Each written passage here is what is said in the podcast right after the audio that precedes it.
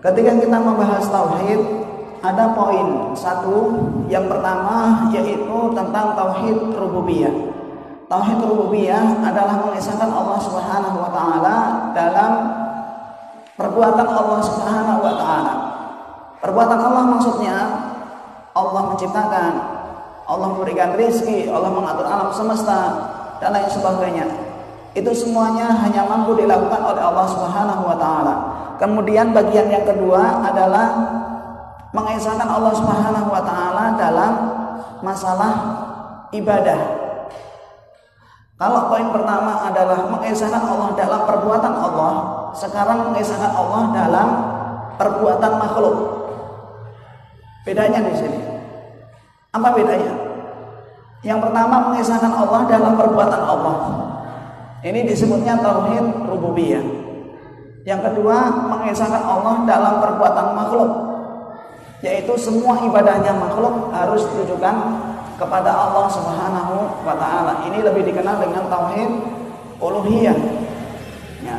Kalau kita sudah mengisahkan Allah Subhanahu wa taala dalam hal rububiyah, kita meyakini bahwa Allah yang menciptakan, memberikan rizki dan mengatur alam semesta, konsekuensinya kita harus mengikhlaskan ibadah hanya kepada Allah Subhanahu wa taala. Artinya ibadah kita harus kita tauhidkan kita esakan, kita tujukan hanya untuk Allah Subhanahu wa taala. Wa tarku ibadati ma siwa dan meninggalkan peribadatan selain Allah Subhanahu wa taala. Dan ini inti daripada tauhid atau ajaran akidah Islam, keyakinan dalam Islam yaitu mengikhlaskan ibadah hanya kepada Allah Subhanahu wa taala wa tarku ibadati ma siwa dan meninggalkan peribadatan selain Allah Subhanahu wa taala. Dan ibadah ini sangat luas.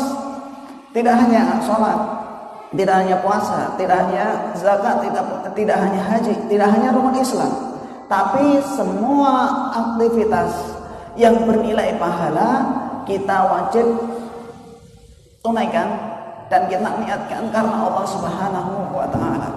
Tidak boleh diniatkan kepada selain Allah Subhanahu wa taala. Terbayang nggak ada seorang muslim ketika dia meyakini Allah Subhanahu wa taala yang memberikan rezeki kepada dirinya, tapi dia masih meminta kepada orang pintar, meminta kelapangan rezeki.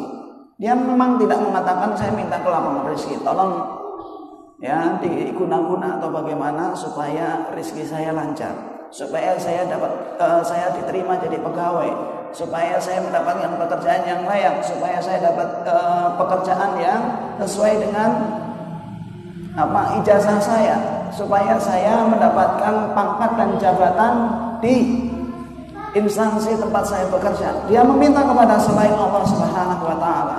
Di sisi lain dia mengakui Allah Subhanahu wa taala sebagai Rabbnya.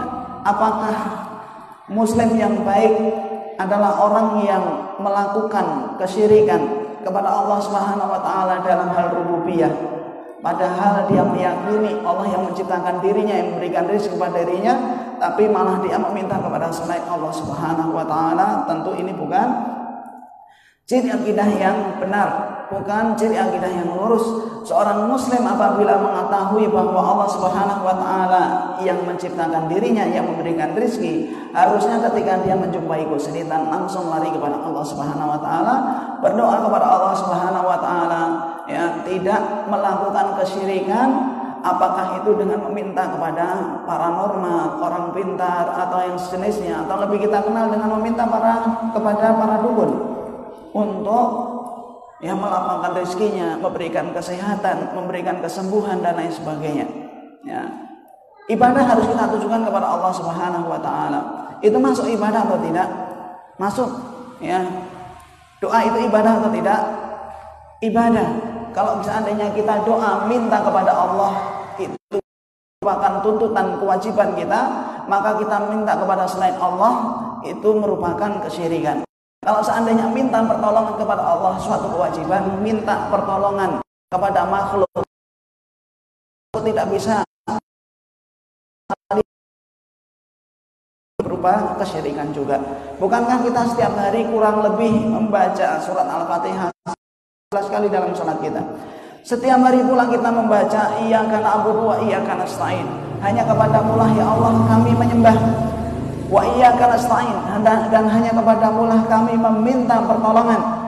Tapi ketika mendapatkan ujian, musibah, ya, ingin mendapatkan pekerjaan, ingin mendapatkan pangkat dan jabatan dan lain sebagainya, kenapa dia lari dan meminta pertolongan kepada selain Allah? Inilah salah satu bentuk kesyiringan, yaitu peribadatan kepada selain